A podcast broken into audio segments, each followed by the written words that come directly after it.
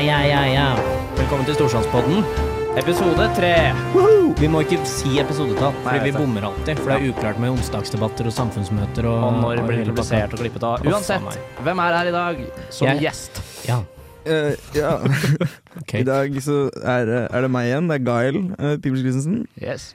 Og din rolle på sam- oh, ja, du, nå Ja, du si jeg, det. jeg, jeg er proff, jeg nå. Er. Uh. Temaansvarlig i styret. Mm. Og har avholdt samfunnsmøte. Jeg er ikke rasist, men Det var altså tittelen på samfunnsmøtet. ja, ikke en uttalelse fra meg.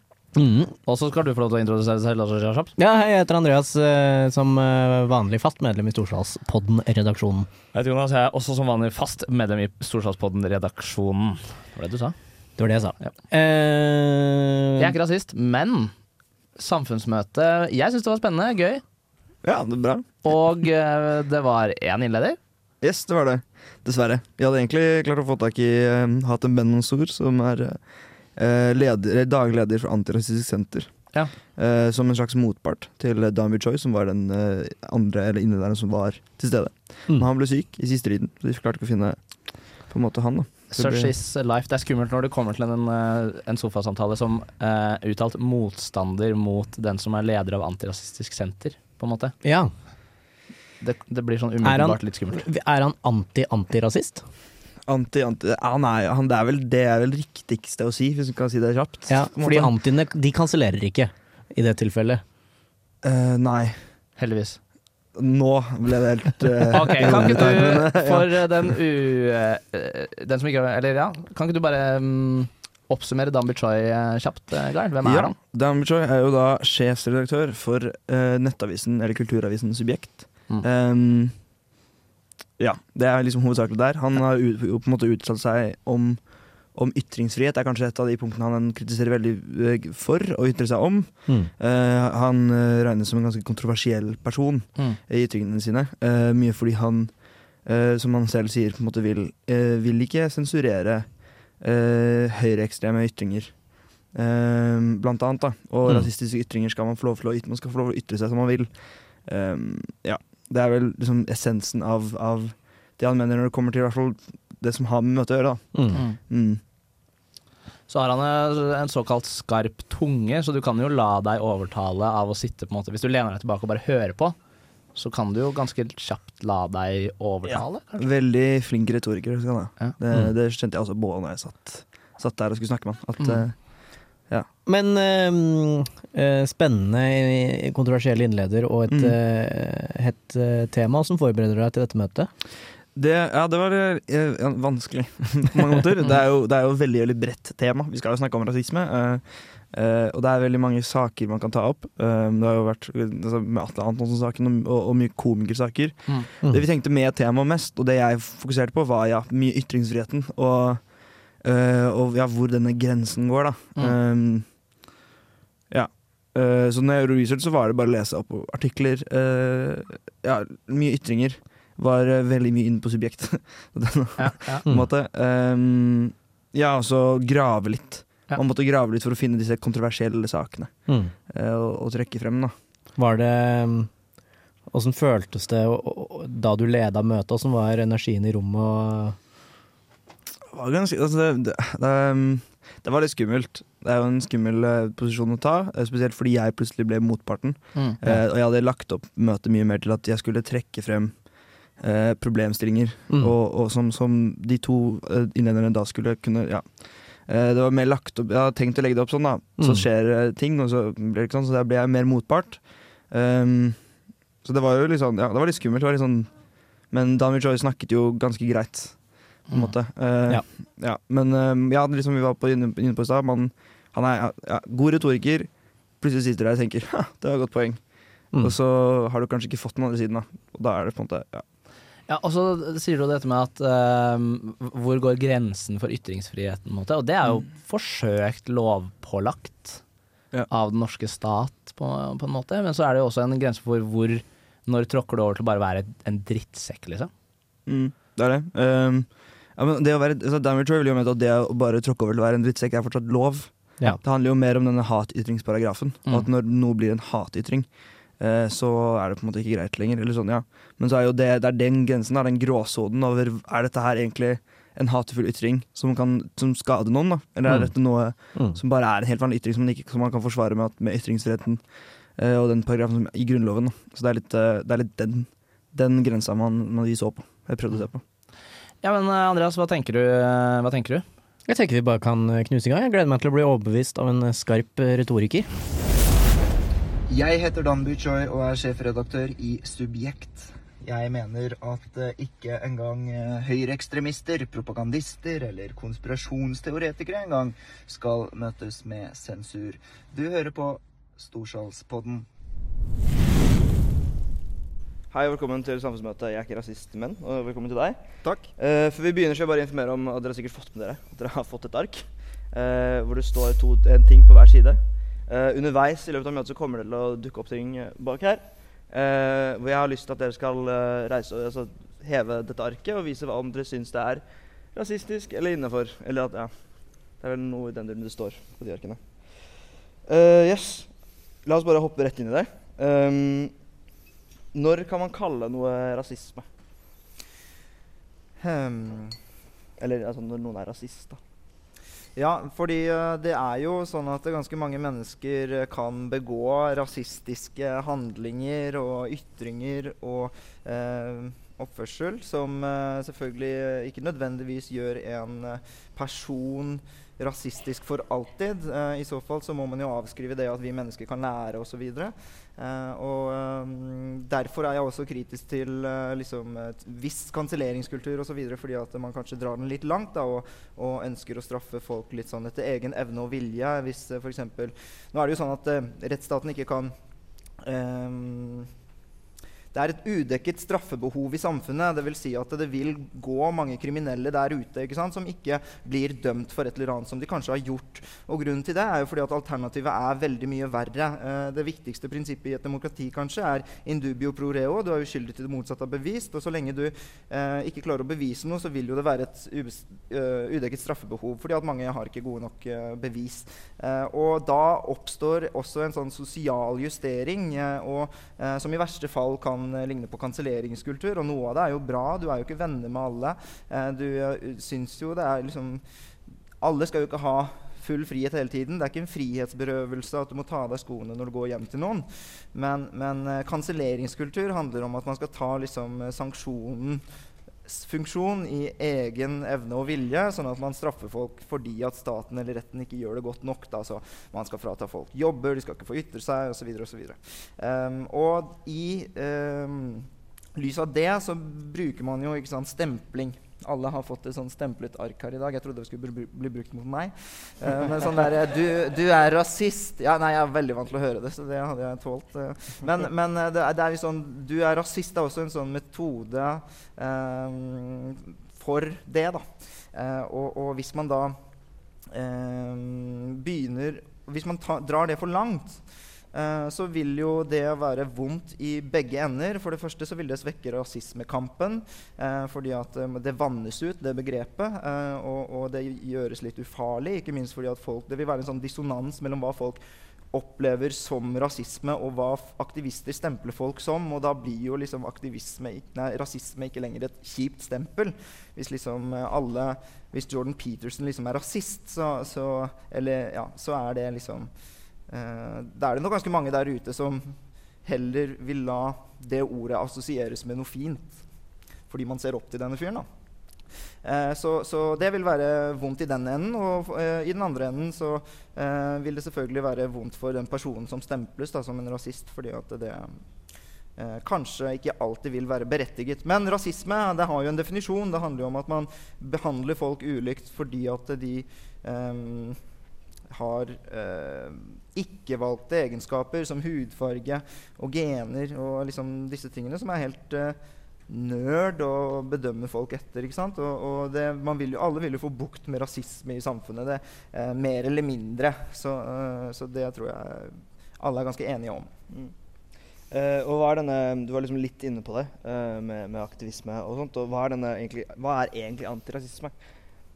Ja, um, antirasisme er jo en veldig berettiget uh, kamp. Uh, men det er et litt sånn morsomt begrep som heter 'jo verre, jo bedre'. og det er litt sånn eh, For Antirasistisk Senter, nå blir jo de vært her for å svare for seg, da, så er det jo litt sånn 'jo verre, jo bedre'. Eh, de, litt, eh, det, altså, de skal få mer penger, de skal ha mer å kjempe mot. og liksom For hvert tilfelle man klarer å blusse opp, og hvor stort man klarer å gjøre det problemet, jo bedre er det liksom eh, for antirasismen per se. Men eh, altså, hvis antirasisme er det å bekjempe den utingen det er å eh, rate folk etter hudfarge, så, så, er jo det en veldig berettiget kamp. Mm. Eh, men så er det sånn at eh, ingen er så farlige som dem som er sånn fullstendig overbevist om at eh, de har liksom godheten på sin side. Da, en sånn gudebenådet rett til å kansellere folk eller å straffe folk eller å eh, handle litt sånn Ta loven i egne hender på vegne av liksom, godheten selv. Eh, og da kan det gå over stokk og stein også, fordi at man, som man har sett eh, flere eksempler på. Og det er liksom eh, ja, det finnes flere organisasjoner, bl.a. Eh, en som heter Salam, og sånn, som jeg syns kanskje drar det litt langt. Ja, uh, men ja, for det var på en måte Uh, litt inne, altså, inne på det her med, med, stemplingen, og at man tar liksom, uh, rett, man, rettferdigheten i egne hender på, måte, på mange måter. Uh, og da kan man jo på en måte gå inn i, i loven mm. og lovverket med hatytringsparagrafen og ytrings, som strider på en måte litt imot ytringsfrihetsparagrafen i Grunnloven igjen. på en måte. Ja, hvordan skal man, Hvis ikke loven gjør noe, hvorfor skal, ikke, hvorfor skal man ikke ta rettferdighet i egne hender? Jo, uh, veldig godt spørsmål. og Jeg syns jo man skal gjøre det. Jeg syns at loven skal gjøre det mindre, og at det skal um, justeres mer sosialt. Men så er det også sånn at sosialt så kan vi ikke ha altfor altfor uh, trange rammer på det heller. fordi at uh, sånt, En sånn kjepphest jeg sier hele tiden er for sånn, Da Aftenposten skrev at det var mer korona på østkanten enn på vestkanten, så var det en kampanje på sosiale medier mot journalisten om at han var en rasist. Mm. Og Det kan jo tenkes at den journalisten ikke var en rasist, men at det faktisk var mer korona på østkanten enn på vestkanten. Og hvis det er mer korona på østkanten enn på vestkanten, så vil jeg jo mene at det vil ha større antirasistisk effekt å belyse det sånn faktisk enn å liksom skulle gjemme det. Eh, det er en del sånne ubehagelige sannheter som burde frem. fordi at hvis man har journalistikk som svir, så vil samfunnet utvikle seg, og man vil gjøre noe med problemet. Hvis det brenner noe sted, er det fint å vite hvor det brenner. Eh, og jeg tenker at hvis, hvis man har en altfor sånn derre um, eh, årvåken bevissthet på antirasisme, så begynner man å se problemer som ikke finnes. Eh, det heter på godt, godt, norsk spøkelser. Man er så woke, man er så årvåken. Man ser så godt at man altså ser spøkelser. Og det er, det er ikke bra. Det er ikke bra at man har for mye av noe som helst. Eh, og hvis man eh, f.eks. i um, ja, jeg mener at det skal sosialt justeres, men, men uh, det kan jo ikke være altså, Se for deg at juridisk så har vi en perfekt situasjon for ytringsfriheten i Norge. Den er veldig stor. Eh, og så har du en kulturell eh, tillatelse og aksept for å oppføre deg ikke her, men liksom her så vil det være ganske mange glasstak i samfunnet. Det vil si, Du ser det ikke, men hvis du hopper, så treffer du det. Og Det gjelder f.eks. karikaturtegnere. Hvis du spør norske karikaturtegnere om hvorfor de, hvorfor de, ikke tegner profeten Mohammed, så er ikke det av frykt for å få politiet på døren. Det er jo lov å tegne profeten Mohammed. Men likevel så frykter de altså for sitt liv og for sin helse. Og hvorfor det?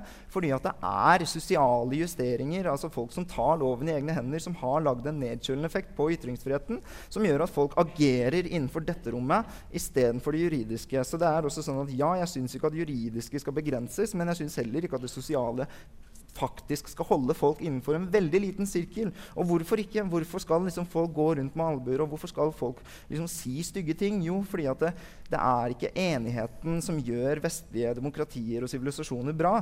Det er uenigheten. ikke sant? Enige er man i Russland, Nord-Korea, Kina.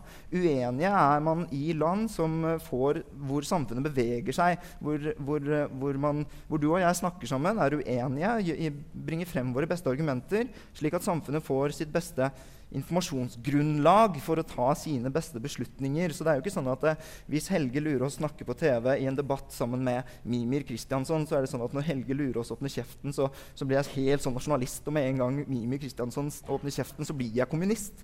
Og ofte så hører man på begge to, og så gjør man et valg, og stemmer ikke minst ved valg. På, basert på et informasjonsgrunnlag som har kommet frem gjennom fantastiske, eh, det fantastiske rammeverket vi har, gjennom media, debatter osv. Ja, det er jo, Du har jo vært innom på det flere ganger, men denne woke-kulturen og det å, og, ja, som du snakker om, sosial rettferdighet, å ta egne hender. Og så snakker man ja, øh, jeg har, øh, Hvis jeg kunne fått opp det bildet, eller bilde én VK, hvis det er mulig Det her, for eksempel. Her er for eksempel Bare vent to sek øh, til dere, men da skal dere snart få lov til å rekke opp en hånd. Um, uh, for eksempel det her, da som tydelig er Det er uh, gammelt. Det er uh, UK-plakaten fra 1935. Um, nå blir du litt flau, det hører jeg. Jeg, jeg blir litt, uh, litt flau. Um, men ja, det er jo på en måte Vi har ingen Vi henger jo opp disse plakatene overalt, bortsett fra det her. Um, og jeg trekker det på en måte litt frem nettopp pga. det. For skal man sensurere dette her, eller skal man ikke? Hva tenker dere? Opp med dere kan nå. Nå skal dere få lov til å rekke opp hånda hvis dere vil. Det må virkelig Jeg tror det må høyt, høyt oppe. Jeg dømmer det jeg skal jeg, det, skal jeg telle ned, er det dere vil? ja. Stemmer blankt, ja. ja. Jeg ser på en måte ikke så godt bak der, men jeg ser ganske mange her uh, foran. Ja. Uh, det er altså, altså Poenget mitt med å trekke frem dette her er mer at uh, man, ikke, man, forstå, man, må forstå hvorfor det her er feil. Ikke liksom nødvendigvis sensurere det. Uh, eller tar jeg feil? Nei, altså, jeg uh, har ingen Jeg sliter ikke med å tenke at dette er rasistisk. Det er fra 1935. men så er det også det der med at du kan, du kan aldri frata en kunstner eller et kunstverk sitt datostempel. alle er barna samtidig, liksom. Og dette ble lagd i en tid hvor uh, det helt sikkert um, altså Selvfølgelig, det var jo ugreit da også, men, men, uh, men um, som dokument så har det jo verdi. Så spørsmålet er jo om uh, dette aldri kan vises igjen som et historisk dokument en gang. noen vil jo dra den så langt. Instagram-kontoen Rasisme i Norge kritiserte oss fordi at vi brukte N-ordet i et sitat. og um, det var sånn høyesterettsdommer som tar rasistiske eh, som dømmer rasismeytringer, eh, de gjengir jo hva som blir sagt. Hvis det blir sagt 'jævla neger', sånn som eh, det ble. Eh, og hvis du sier da at det høyesterettsdokumentet er rasistisk av den grunn, så syns jeg du drar den litt langt. Og det, litt sånn, det, det har litt sånn overføringsverdi til ganske mange eksempler i samfunnet. fordi at det, situasjoner hvor det er aktuelt å vise det her, er gjerne i utstillingsøyemed. Uh, og da er det sånn skal, Kan ikke det vises fordi at bildet er rasistisk? Det tror jeg er et, et, et kjipt sted å gå. Uh, jeg mener at hvis man, hvis man um, Og så kan man selvfølgelig kontekstualisere det, snakke om det osv. Men at bildet per se er rasistisk, og derfor skal ikke det ytres i dag. Og det er liksom derfor, ja, det, Den går jeg ikke med på. Ja. For, uh, yes. ja, for du var inne på det nå med denne Instagram-brukeren Rasismen i Norge. Mm. Um, og nå er vi inne på en litt annet, litt annet spor. Det er litt uh, media og alternativ media. Uh, blant annet uh, Nå skal vi ikke ta for oss mye TikTok, men TikTok har jo blitt for blant unge skummelt nok. Deres, på en måte, de søker opp nyheter der. Det er der de skal få informasjonen sin. Som er, jeg personlig syns er dritskummelt, fordi det er ikke, det er ikke faktisk legitime kilder ofte. Um, og ikke at rasisme i Norge tar feil hele tiden. Uh, at de tar mye feil heller. Det er bare mer poenget at det pleide å Det ble jo ble skapt av Jamal Sheikh, og det var han som styrte det alene en god stund. Um, og hvordan skaper ikke det også et ekkokammer, i tillegg til å hjelpe det jo. hjelpe. jo, men det gjør det jo. Og så er det eh, Eller bare for å avslutte det der Hvis man skal lage en film om borgerrettsbevegelsen i USA, så kommer N-ordet til å bli sagt. Hvis, og man kan ikke bli så woke at man ikke kan fortelle historier. Og det er liksom kunst. Det er derfor veldig aktuelt og liksom sånn um, i um, blir alltid tema da, når man snakker om uh, rasistiske dokumenter og bilder og malerier og tekster osv. Fordi at det, det, alltid Utstillinger er, handler veldig om å formidle fortiden. ikke sant? Og, og, hvis man da skal unngå å fortelle det som gjør vondt, det som er litt sånn politisk ukorrekt, eller det som gjør vondt, så, så mister man jo liksom uh, funksjonen og hele poenget, egentlig. Uh, det er ikke godheten som gjør Hitchcocks filmer gode. Tvert imot så er det jævligheten og det at han graver i det jævligste i oss mennesker som gjør de filmene gode. Så man må, man må klare å ikke tenke det er det jeg mener er woke. Da, hvis du ser at den filmen er jævlig mot kvinner, eh, og derfor er det en mannssjåvinistisk film, og derfor skal den sensureres, så er du ganske dum. da, fordi jeg mener at det, den, eh, Poenget er jo å vekke de følelsene, sånn at vi kan agere annerledes og nettopp lære av historien. Eh, når det gjelder eh, rasisme i Norge, så er det et, et veldig tydelig eksempel på det han driver med, er jo publisistisk virksomhet, akkurat som meg, og akkurat som journalister. Men journalister er jo ikke noe, det er jo ikke noe vi er ikke fredet, tvert imot. Vi har ikke en fredet tittel engang. Og, og vi, eh, vi, forteller bare historie, men på en sånn etisk måte. Vi, forsøksvis, da. Eh, og det vil si at man har f.eks. Eh, Vær varsom-plakaten, og at du skal ringe liksom, kritiserte part for å høre vedkommendes syn. Og veldig ofte da, så vil du som journalist merke at oi, historien var ikke helt sånn som den ble fortalt. Så spilles det ball, og så møtes det et sted på midten. Hva kan du egentlig faktisk si? Hva er det som bestrides og ikke? Men hvis du driver en konto som Rasisme i Norge, så er du aktivist ikke journalist. Og da, da, er liksom ikke det så viktig, og da får du ikke med deg hele historien. Eh, og det skjedde f.eks. med en togkonduktør som ble hengt ut på rasisme i Norge for å være en rasist. Eh, og Apropos det åpningsspørsmålet ditt. Um, og det viste seg jo å være helt feil. De som hadde sendt inn det klippet, hadde sendt um, liksom siste 20 sekundene uh, av en uh, flere minutters film hvor de ypper og lager så mye bråk for ingenting og bare uh, lar seg ja, for, um, for, å bare oppdikte en slags rasismehistorie. Uh, og hvorfor gjør man egentlig Jeg tror det handler om mye forfengelighet. Jeg ikke glem hvor mye godhet det og hvor digg det er å liksom kalle noen andre rasist. Du kaller ikke bare noen for rasist, men du kaller deg for antirasist. Eh, og ganske mange sånne ting Som er liksom begredelig fenomen, syns jeg. Da, som er sånn stygt, dårlig stil. Men eh, rasisme i Norge har skjerpa seg litt. Eh, og, og det hører med til historien at han også ønsker å gjøre eh, bedre i fremtiden. Så jeg skal ikke kalle han for, eh, for alltid idiot, sånn som eh, jeg håper at ingen vil kalle noen for alltid rasist. Eh, verken Bernt Hulsker eller Atle Antonsen. og ja, Men forskjellen dere, det viktigste er jo egentlig at dere ikke har så, eh, samme forventninger til en aktivist som til en journalist. For det, det er virkelig vesensforskjell på de to virksomhetene. Men uh, ja, fordi du legger til grunn Du var liksom inne på det, på en måte, og det å kalle noen rasist er å kalle seg selv antirasist, sa du. Uh, og det, da, det tilsier jo at vi alle er antirasister, på en måte. Uh, ja, og vi alle er rasister. Altså, det ligger jo noe altså, Men Nei, det jeg mente, var vel egentlig at Um, det, det, blir jo litt spekulativt, selvfølgelig, men, men mye av det der med å stemple andre som rasister og oute folk som rasister I hvert fall noen av dem som gjør karriere på det her, um, mener jeg gjør det også litt pga. forfengeligheten i det, som handler om at jeg er en ridder av godhet. Og det eh, reagerer jeg ikke på hvis det er liksom betimelig. Herregud, så smålig det hadde vært å gjøre det. egentlig, og bare sånn, Dette gjør du bare for å være, leke snill og god. Det er jo ikke det.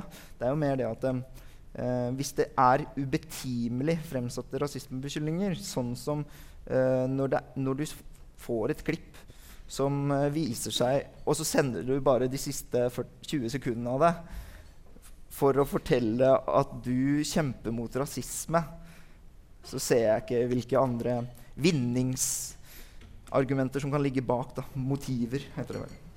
Mm. Da kan uh, Bård og Kokk uh, komme på talerstolen, og så kan uh, Darja Baraktarovic gjøre seg klar.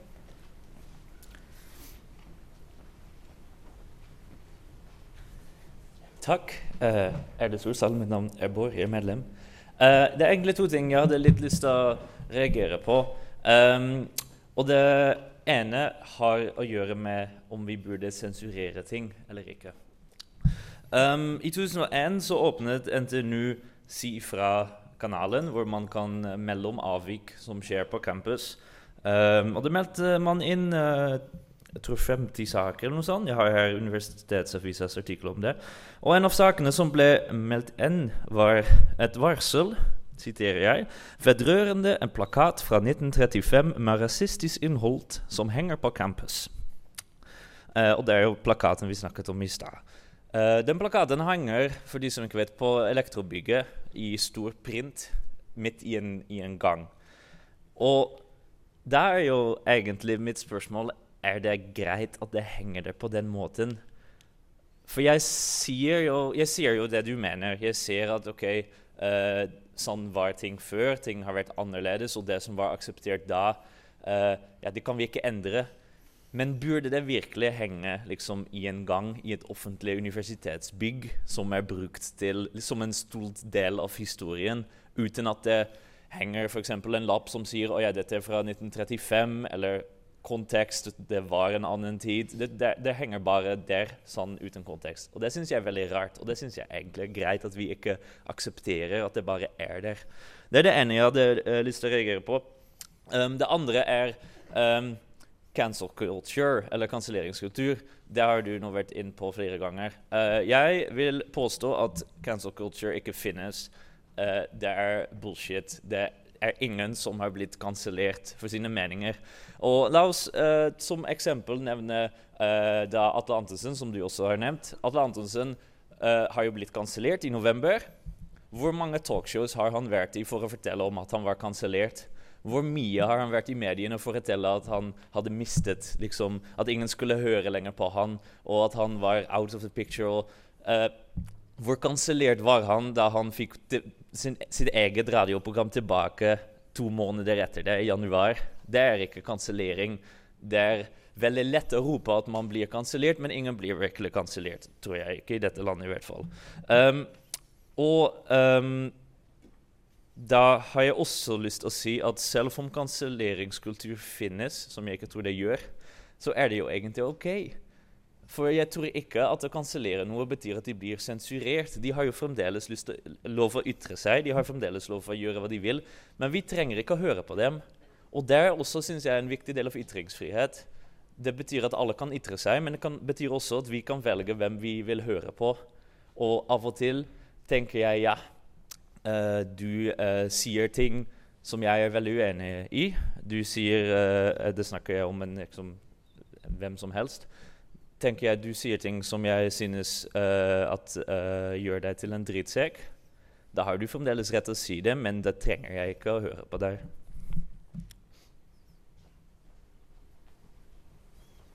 Ja, det var to ting her. Det ene er ukaplakaten fra 1935. Jeg, jeg, brenner ikke for at den skal, uh, må henge her. Og jeg kjenner at det er en sånn forholdsmessighet i begge de to spørsmålene som er fasiten. Og det gjelder egentlig alle sånne bedøm bedømminger som vi gjør som mennesker og som sosiale grupper. Det må være forholdsmessig. Uh, og, og f.eks. For forholdsmessighet i det spørsmålet hva gjelder uh, den plakaten, er jo liksom hva er plakatens verdi og egenverdi og alene og med andre. Uh, hvis den skal henge der alene stort, hvorfor skal den gjøres større? Det må være veldig gode grunner til det. Eh, hvis det skal eh, lages en utstilling om at uka var rasistisk, så har jo den stor verdi.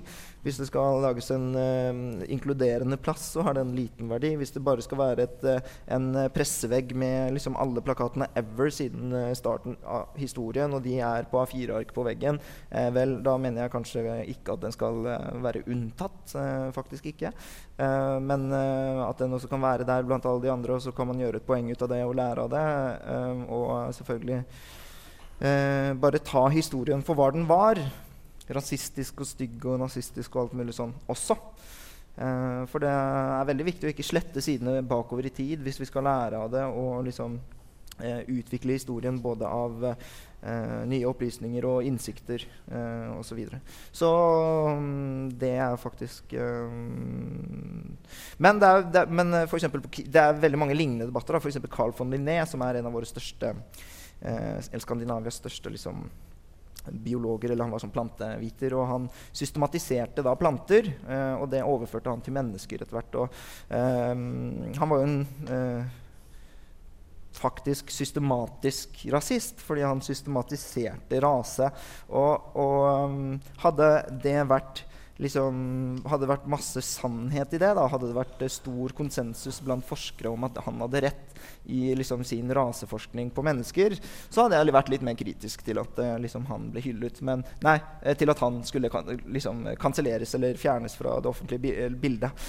Men siden han ikke viser seg å ha så mye rett, så gjør det meg egentlig ikke så mye at man reagerer på det. Det handler om forholdsmessighet. Men han er jo kjent for likevel å, er, å være ubestridelig utvidet hva gjelder sin systematisering av planter.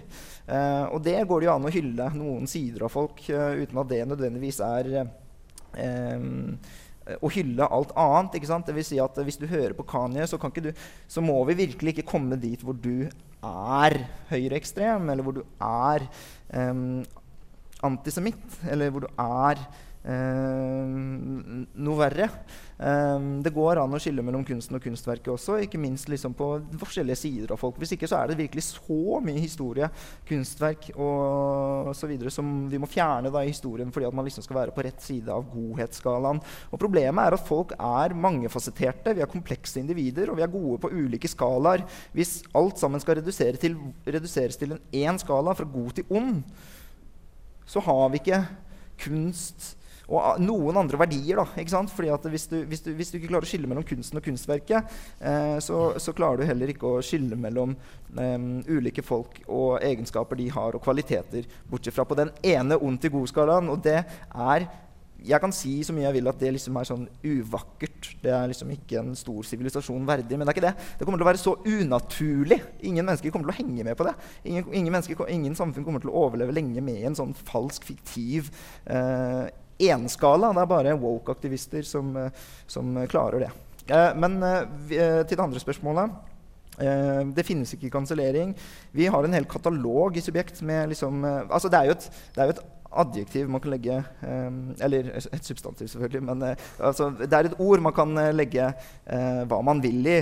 og det er liksom ikke Når jeg snakker om kanselleringskultur, så snakker jeg egentlig om en kultur hvor man er ute etter å sanksjonere folk. Eh, og sosialt bedømme folk etter liksom, den godhetsskalaen. nettopp den godhetsskalaen, og den, den, er ikke hensiktsmessig å benytte. fordi at forskere skal ikke bedømmes på hvor snill den forskningen var. Hvis det kommer frem at innvandring kommer med sinnssykt mye problemer, så er jo det noe vi skal forholde oss til. fordi at hvis det brenner noe sted, er det fint å vite hvor det brenner. Eh, og den kommer til å slå jævlig dårlig ut på den godhetsskalaen. også. Den kommer til å vise seg å bidra til rasisme, den kommer til å bidra til marginalisering av innvandrere osv. osv. Eh, så jeg mener at hvis man i den godhetsskalaen begynner å tenke at han eller hun, forskeren, sa det, og derfor skal han eller hun ikke ha en mikrofon eller en scene, eh, så slår det dårlig ut på absolutt alt. da. Eh, Bl.a. innvandrere som, som, hvor man får liksom situasjoner hvor dårlig kultur fortsetter å være dårlig. og jeg mener det er for det andre liksom, det man kaller for de lave forventningers rasisme. Muslimer kan ikke bedre de enn å være homofiendtlige, liksom. Eh, eller, eh, eller osv. Eh, og den typen holdning er heller ikke bra. Man skal liksom forvente mye av folk, og forskning skal vi tåle. Eh, og hvis vi bare har den ene skalaen som jeg snakker om, den godhetsskalaen, så har vi ikke forskning, vi har ikke kunst, vi har ikke humor, vi har ikke eh, alle disse tingene som ja, ja, Vi skal jo innom litt av disse punktene senere. Ja. Uh, uh, jeg vil bare hoppe litt inn her. Uh, fordi Apropos denne benken og, og disse, denne systematiseringen av, av blomster. Den, hele den debatten handlet jo også om man, det, en, det, handler jo også om det vi ser i USA, hvor man river, fjerner statuer av, av, ja, av store slaveeiere som har gjort noe for en bygd eller uh, whatnot. Uh, og så prøver man, uh, og det blir argumentert veldig for at man prøver å presse den, den, uh, den antirasistiske bevegelsen der og de aktivistene der, deres måte, motivasjon over i for Norge, da, hvor man ikke har hatt en slik Altså vi ikke har kanskje opplevd Eller har vi liksom eh, noe vi kan noen Ja, eh, det går an å sympatisere med svarte i Amerika selv om man bor i Norge. Så jeg mener ikke at man, den der, Jeg kan si neger i Norge fordi at vi har ikke den samme historien. Det blir jo bare helt tåpelig. Mm. Eh, men eh, sånn eh, det sagt, så er jeg kritisk til det. Eh, sånn uavhengig. fordi det, det, er akkurat den, På den godhetsskalaen så vil den skulpturen slå dårlig ut. Men kunstneriske um, produkter har jo egenverdi. Uh, så, så, jeg mener jo at uh, hvis, du, hvis du, Jeg ser for meg at f.eks. Carl von Linné, da, som har, har, en minnesbenk på, i Botanisk hage Nettopp fordi at hele Botanisk hage og alle biologibøker dere har, er liksom basert på han til en viss grad. At han har en minnesbenk. Og så var det en sånn antirasistisk politiker som mente at den var ekskluderende i den grad benker kan være ekskluderende. Altså. Og, det, og, at den må fjernes. Eh, så var det liksom eh, Det er det ingen andre enn deg som har sett, for det første. Men la oss prøve å ta argumentet for, på alvor eh, og, og se, liksom se, nærmere på det. Er det sånn at det, eh, vi skal slette, destruere og gjemme alt som er litt sånn ubehagelig? Det er sånn Eh, nei. Eh, Winston Churchill Vi hadde ikke vunnet kampen mot nazismen trolig uten han. Eh, men så viste det seg at han deltok i ja, slavehandel liksom via via eller, eller direkte. Og, eller sånn, og det var liksom, da var man barn av samtiden. Se for deg, det er en sånn iraker som kom til Norge. Som mer eller mindre fant oljen. Han har jo bidratt til Norges fantastiske rikdom. Vi kan finne på å sette opp en skulptur av han. Og det kan jo tenkes at om 50 år er han liksom symbolet på klimakrisen. Og derfor skal man rive den. Men statuer og portretter og kunsthistoriske produkter og dokumenter har egenverdi og funksjon utover om han var snill eller slem. Det var en skulptur fra den tiden, og det er liksom det det er. Og hvis du begynner å lese han for å være slem, så ser du også spøkelser igjen. Fordi at han faktisk ikke kan tenke Og nå snakker jeg om en skulptur, en statue. Og faktisk ikke kan He can't hurt you, som han sier på mimsk. Uh, han kan ikke i, i, Altså, det er en skulptur, så slutt å legge for mye i det. Det er først og fremst et historisk dokument. Mm. Hei sann! Andreas her, som bare må kime inn litt. Det vi gjør her i Storsalspodden, er jo altså å gjøre mm, sofapraten fra samfunnsmøtene og onsdagsdebattene på huset tilgjengelige som podkast. Og for å gjøre det, så må vi klippe en del, og da må vi klippe vekk en del av det som ikke gjør seg så godt på lufta. Dessverre, fordi det f.eks. krever en grad av publikumsinteraksjon. Akkurat mens jeg prater nå, eh, så var det i sofapraten et lite mm, Eh, underholdningsbidrag, som var en slags lek, hvor Stunt på Samfunnet presenterte forskjellige ting eh, som har vært ugreit oppe i media for om det er ugreit, og så skulle publikum stemme over hva som var mest ugreit. Og det som stakk av med seieren, eh, var eh, protesten mot at Ariel er spilt av en mørk skuespiller i eh, den siste Lille havfruen-filmen. Danby kommer til å referere til det om ikke så veldig lenge, så da vet dere hva han snakker om når han snakker om protestene mot mørk Ariel. God lytt videre! Ja, hallo. Jeg heter Daria, jeg er medlem. Jeg vil uh, adressere det jeg opplevde litt som en liten elefant i rommet i stad. Uh, da vi skulle rekke opp lapper for å si om vi syntes ukeplakaten var rasistisk, eller ikke om den var rasistisk, men om det er rasistisk å henge den opp i dag.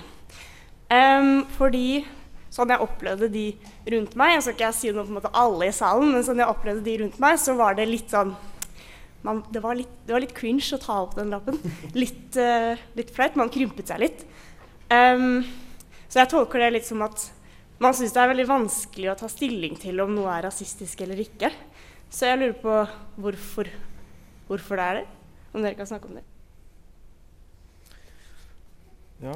Jeg vil først gratulere Ariel med seier. Jeg syns det var en veldig fortjent uh, seier for øvrig. For, det, for den, den, er jo stygg, ikke sant. For det er jo det er jo sånn Den hva var det kritikken gikk ut på? liksom? At hovedrollen hadde en annen hudfarge. Og så er det det som er morsomt er, altså Hadde man eh, snakket om en eh, biografi, så finnes det folk som reagerer på at eh, hovedrolleinnehaveren har feil hudfarge. Og jeg syns jo også det kan være litt sånn eh, Den skal du også argumentere godt for. da Eh, fordi at eh, mennesker eh, gjerne er mer enn eh, bare hudfargen sin. Man er god til å, skus, man er god til å spille eller ikke osv. Ariel er jo en fiktiv karakter. Den kunne vært grønn. Så, så liksom, om den er svart, er liksom Du har ingen gode argumenter, da. Men, men uh, den nye Munch-filmen, som fikk sekser i Subjekt, og som alle andre enn anmelderen vår hater, Eh, den uh, det, vi, sånn, vi, snakker om det hele tiden internt, og så fikk uh, en, terningkast én av de fleste andre. Det, det, er jo spennende. da, Bra grunnlag for uh, diskusjon, kunst og sånn. Men um, der så er jo uh, Munch spilt av en dame i en uh, periode av livet sitt, og jeg syns egentlig det er ganske kult. Uh, og det inviterer til noen kule debatter, syns jeg. Fordi um, Noen vil jo være sånn No, it's just wrong. Men it's just wrong går ikke så langt inn hos meg. Uh, ja. Vi uh, fikk et spørsmål. og det handlet om elefanten i rommet. som var 'Hvorfor er det så vanskelig?' Og jeg tror jo det er litt sånn um, det er jo ingen tvil om at eh, rasismedebatten er veldig betent. da. Det er jo sånn, Jeg er jo veldig kri sterkt kritisk, kritisk mot woke, og sånn, og jeg har jo fått ganske mange tilhengere. og sånn, Det resonnerer veldig i dag. Så du vil ikke være en sånn der overflødig antirasist heller. Um, det er ganske annerledes nå enn da jeg begynte. fordi da var det liksom, Jeg var rasist, jeg var høyreekstrem og transfob og homofob. og alt mulig sånn. Nå, nå har jeg liksom det jeg sier, resonnerer litt mer, så det syns jeg jo jeg er personlig herlig. Men det er sikkert en faktor som bidrar til at det er liksom vanskeligere. Eh, og så er det jo sånn at eh, ras, eh, Ikke minst så var premisset litt sånn galt. fordi at det, Hvis du spør er det rasistisk å henge opp den plakaten Nei. altså det er jo ikke eh, Hva hvis eh, du ber meg gjøre det, og du er sjefen min?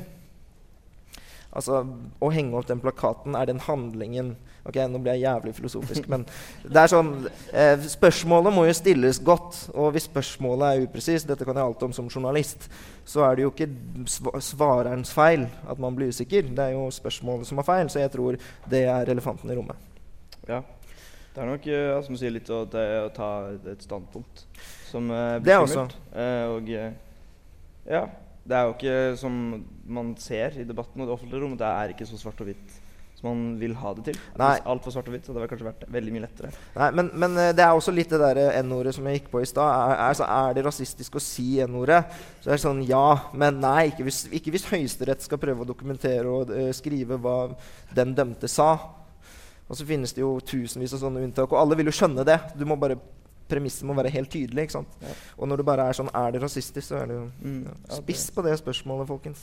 Ja, det er jo eh, kontekst her som er nøkkelordet. Ja. Eh, og litt med det så skal vi inn i, eh, tilbake til ja, rasisme i Norge-brukeren og, og litt alternativ media.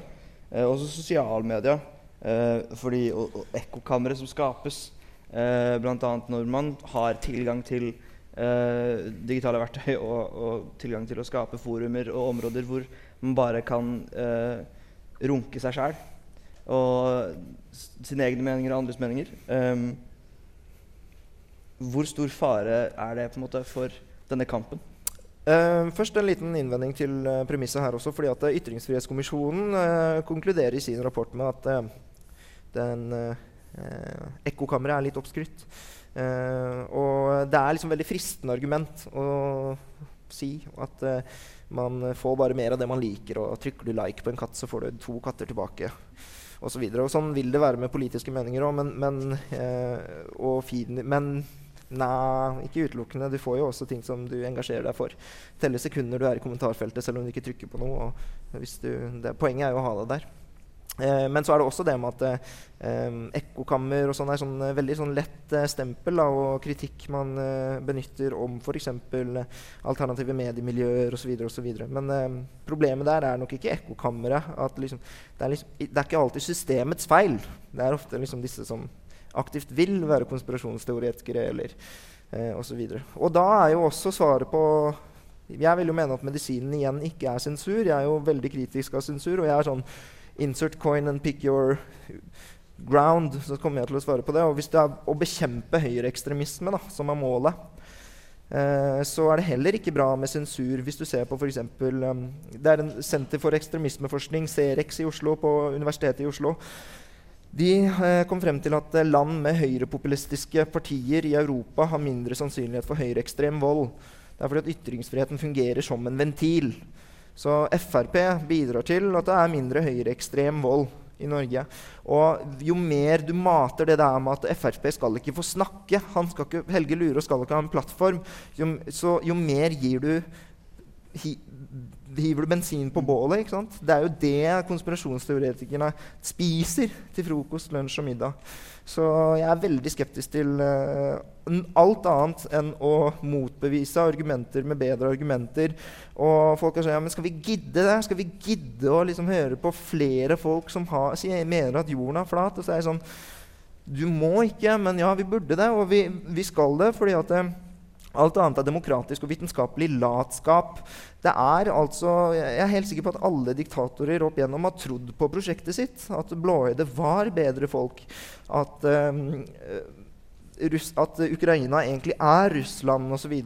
Men altså, man, man kan ikke sensurere det av den grunn. Og det er veldig sånn um, et godt eksempel nå, egentlig. fordi EU besluttet å sensurere Sputnik og Russia Today. Og for å liksom si det rett som det er, det er propagandakanaler, det er engelskspråklige, statlig kontrollerte russiske medier som har for formål å spre russisk propaganda ut i verden.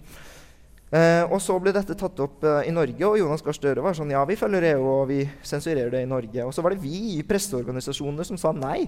Sensur er akkurat det samme som propaganda. Det er bare andre siden av mynten.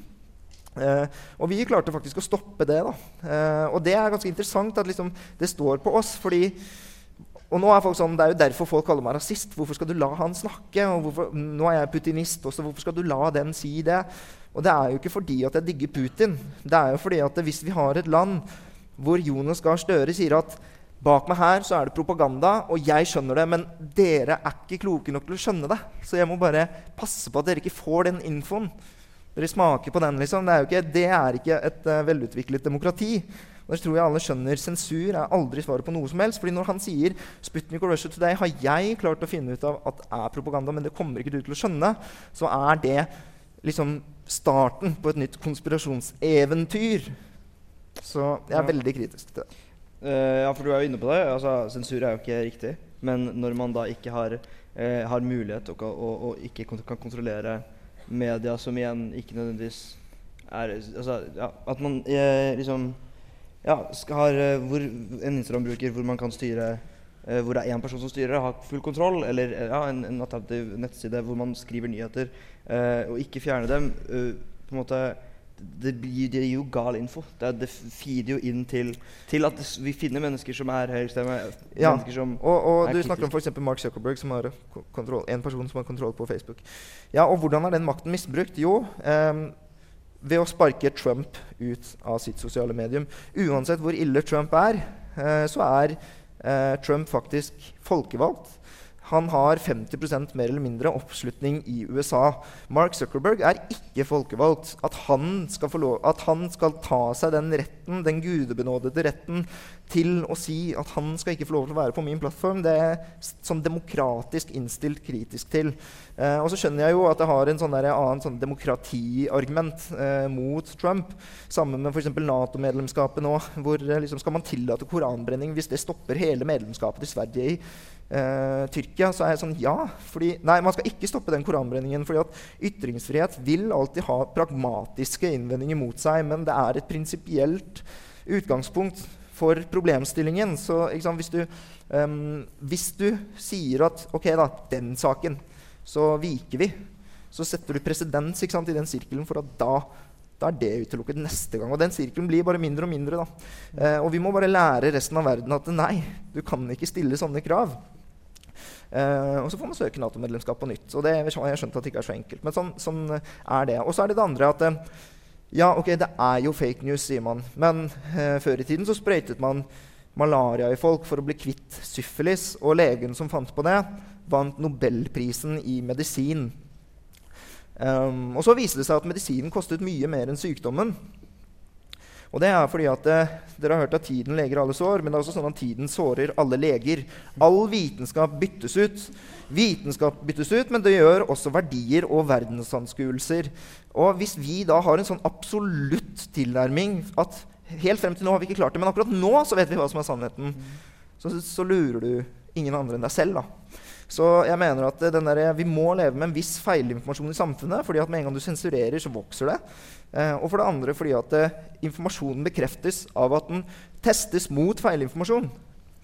Eh, så jeg er veldig kritisk til at man skal ha en sånn mega-autoritær eh, eh, tilnærming til falske og ekte nyheter. Og man trenger ikke å se til malaria, syfilis og denne nobelvinneren eh, som fra gammelt av. Man kan se på nyere eksempler. F.eks. under korona så eh, blokkerte Facebook alle brukere som delte at viruset kunne stamme fra et laboratorium i Wuhan. Det ble hundrevis og tusenvis blokkert fra Facebooks plattformer fordi at de er et kommersielt selskap, og alle wokister var sånn Nå må vi bekjempe fake news. Hva gjør Facebook for det her? Ingenting. Eh, og de vil jo ha godt renommé, så de liksom handler etter eh, hva som er by popular demand. Og så viser det seg at WHO er sånn Vent litt. Viruset kan stamme fra et laboratorium i Wuhan. Nå er det en anerkjent teori. og så er det sånn Ok, hvem vet hvem Facebook blokkerte i starten av pandemien? Kunne det ha vært en kinesisk dissident? Ikke bare kunne det ha vært det, det var det.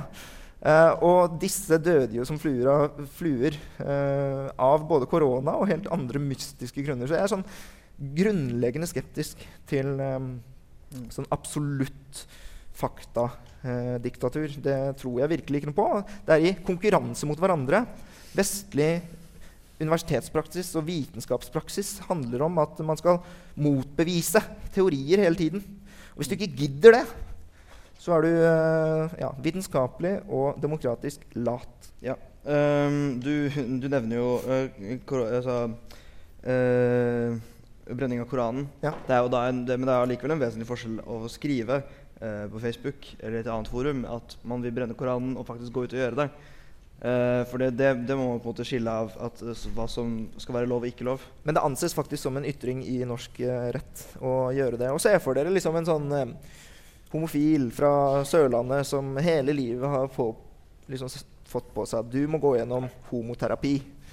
Så blir vedkommende la oss si trans eller et eller annet sånt etter hvert. Og performancekunstner. Så tenker jeg det er et veldig effektivt virkemiddel ja, å tenne på en bibel. Og det setter man presedens for at det ikke skal være greit hvis man forbyr koranbrenning. Og jeg syns det er ganske skremmende, det er sikkert bare halvparten her som syns det, men 50% av den norske eh, befolkningen vil forby koranbrenning. Det syns jeg er eh, helt uh, Veldig skremmende, faktisk. Um, det, ganske, det resonnerer ganske stort i samfunnet for at man skal forby den typen ytring. Og det er altså Folk har rettsvern, men det har ikke bøker. Eh, og hvis vi kommer dit at det ikke går an å kritisere ideologi eh, og ideer, så kan man bare legge ned, altså. For det er eh, det som driver eh, Det er det som har gjort Norge til et bra land. Det er den tillatelsen, den unntaksbestemmelsen som heter ytringsfrihet, som har gjort at de beste ideene vokser frem, og at vi får demokrati etter hvert. Det tar tid. Ting er ikke perfekt. Men det prinsippet skal man være veldig veldig varsom med å vike fra. Da. Og så er det noen unntak. Det er ingen ytringsfrihetseksperter som er for absolutt ytringsfrihet. Du har eh, bestemmelser, personvernbestemmelser som gjør at eh, og stalkingbestemmelser og, og ærekrenkelsesbestemmelser og hatytringsparagrafen og en rekke ting som gjør at du ikke kan eh, si akkurat hva du vil, som f.eks. Um, vil du gifte deg med henne, så sier du ja. Så kan du ikke faktisk etterpå bare si at ha, nei, jeg sa det fordi jeg hadde ytringsfrihet. Og du kan heller ikke si 'Vil du kjøpe boken min eh, for 100 kroner?' Og så sier du ja, og så sier du etterpå Haha, nei, jeg sa det fordi jeg hadde ytringsfrihet. Til og med det er en bestemmelse i loven og en unntaksbestemmelse for ytringsfriheten. Og det finnes sånne eksempler, men de kan ramses opp på et A4-ark. Og de har man veldig gode begrunnelser for. Den svakeste av dem syns jeg faktisk står på paragraf 185. Hatytringsparagrafen. Ehm, ja. Um, jeg tenker igjen, Vi snakker ganske mye om kontekst. Um, og jeg lurer på om eh, vi kunne bare få avspilt uh, lydfilen. Skal du spille dette uten kontekst? Ok. Men jeg tror er negere er dårligere mennesker. Men jeg tror negere er dårligere mennesker enn hvite, fordi det er kortere tid siden de var jegere og sankere på savannen i Afrika. En tilværelse i det moderne Vesten krever mer komplekse kognitive evner enn det som kreves for å jakte ned en gnu. Derfor klarer negerne seg dårligere. Negere ligner fysisk også mer på aper enn vi hvite gjør, noe som skulle tyde på at negere og aper er likere hverandre også på andre måter. Mesteparten av kriminaliteten som begås her i Norge, begås av negere. Særlig voldsforbrytelser, ran, drap, voldtekt osv. Når negere bryter loven, bør de sendes tilbake til bongoland der de kommer fra. God tur, vi har ikke bruk for dere her. Ha det bra, negere! Norge for nordmenn!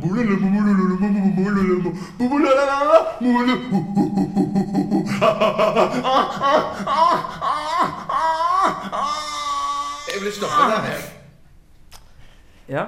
Jeg syns man skal kansellere samfunnet. da skal dere få lov til å Dere kan ja, eh, rekke opp eh, lappen deres igjen. Hva tenker dere om dette lydklippet her? Er dere enig, enig med Danbjørg? Ta det, Strekk dem høyt opp, så vi ser. Veldig bra, Bendik. Jeg er helt enig med deg.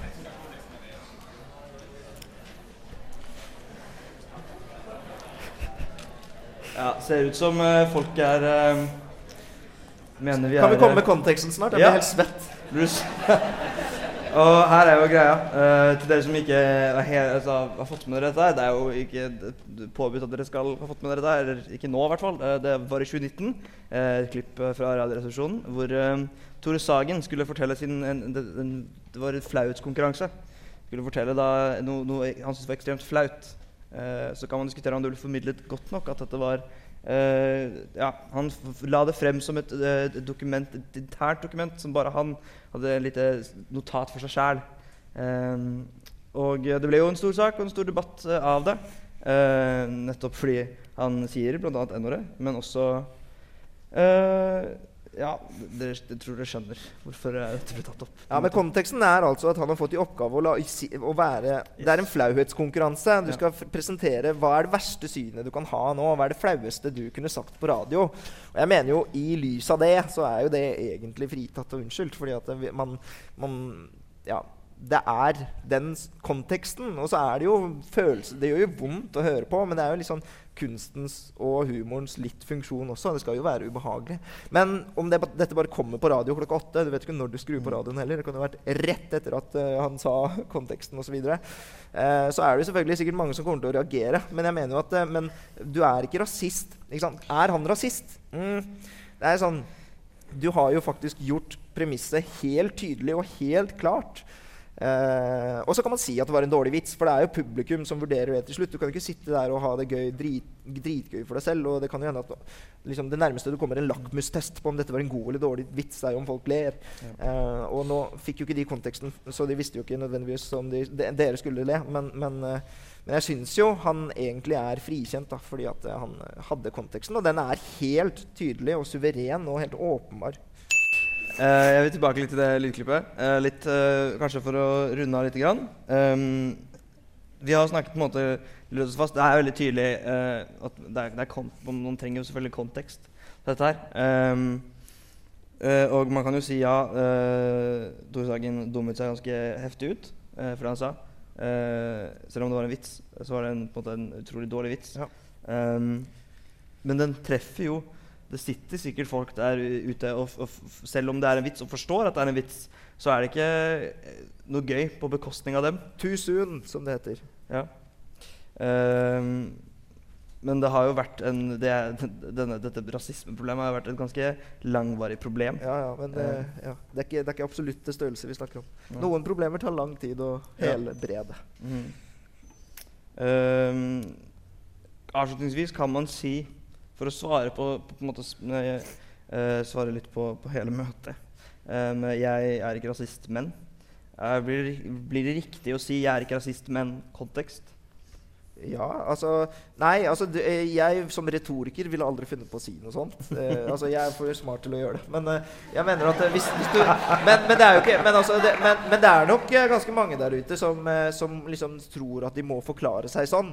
Og jeg liksom av mitt, min sympati står hos dem, men jeg kommer til å være sånn Du bomma i hvordan du svarte, men ikke gå med på det premisset, liksom.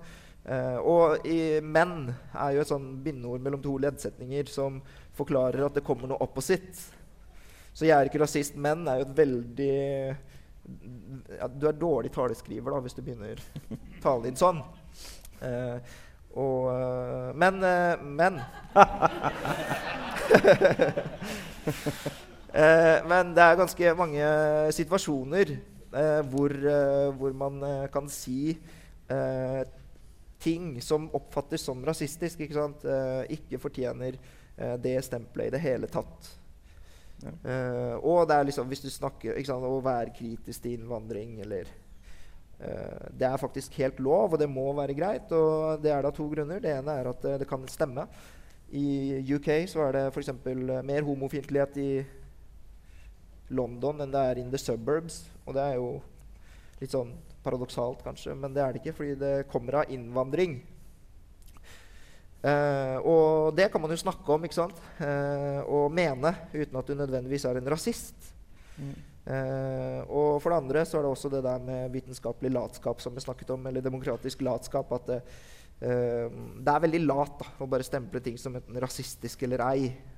Det burde vi komme oss vekk fra og så prøve å faktisk argumentere mot de tingene som sies. F.eks. at ok, men da må vi løse problemet som oppstår når eh, en kultur eh, blir for dominerende i, uh, i, et, i et demokrati hvor man har hatt andre verdier. Mm.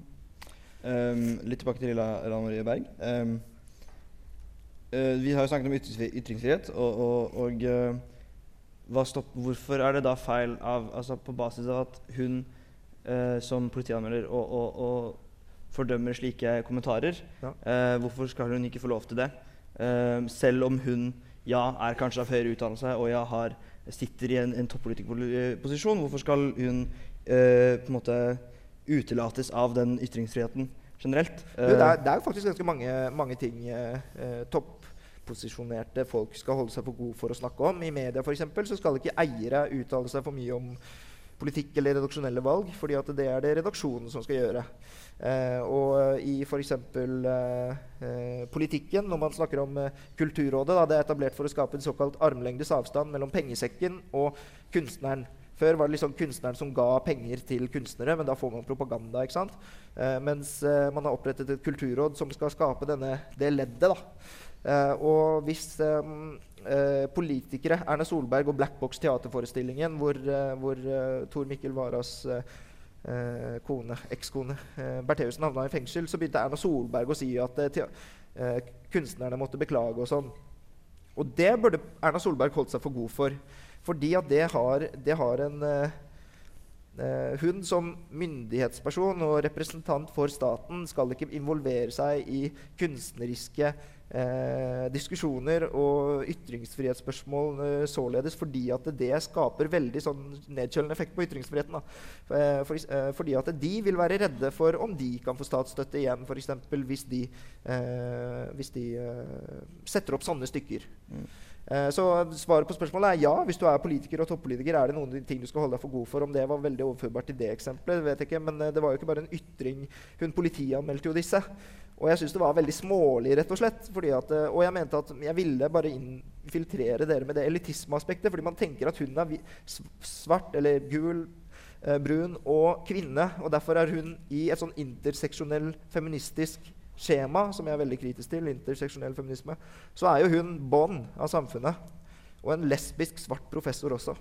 Men, eh, men eh, de er jo ikke det. De er jo virkelig eliten. I hvert fall sett opp mot denne hvite mannen som pusher 50, som sier 'jævla fettekjerring'. Han, han er ikke nødvendigvis eliten. Så jeg mener at eh, det er litt smålig, rett og slett, i, i lys av at ytringsfriheten skal være til for at man skal liksom være sånne folkelige folkerøster, da, hvor man sier stygge ting.